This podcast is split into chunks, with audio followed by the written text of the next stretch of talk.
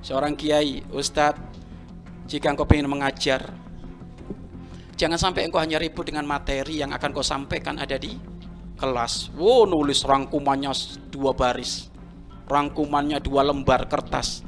Bagus itu, itu termasuk adalah makna ikhti, ikhtiar ikhtiar agar supaya menyampaikan pemahaman kepada muridnya ini agar supaya mudah ditangkap nggak apa-apa bagus namun jangan lupa sebelum ngajar sholat ha hajat ngadu dulu kepada Allah ini yang dilakukan oleh Imam Ahmad ini yang dilakukan oleh Imam Syafi'i ini yang dilakukan oleh Imam Malik beliau tidak pernah masuk kelas kecuali nangis dulu kepada Allah Nah kalau seperti itu berarti dia mengandalkan kebesaran Allah yang menjadikan santri faham bukan karena enaknya ngomongnya ustadz, tapi karena Allah membuka hatinya untuk fa faham.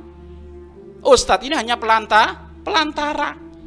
Ada orang ngomongnya lebih hebat daripada yang isi majelis hari ini. Bahkan ngomongnya adalah mutiara.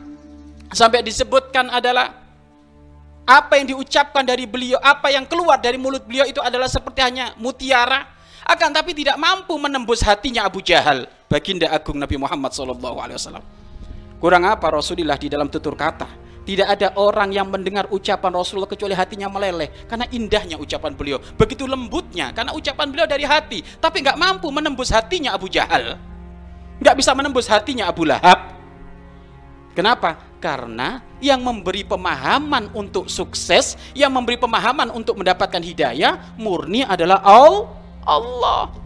Makanya semuanya harus mengandalkan Allah Subhanahu wa taala.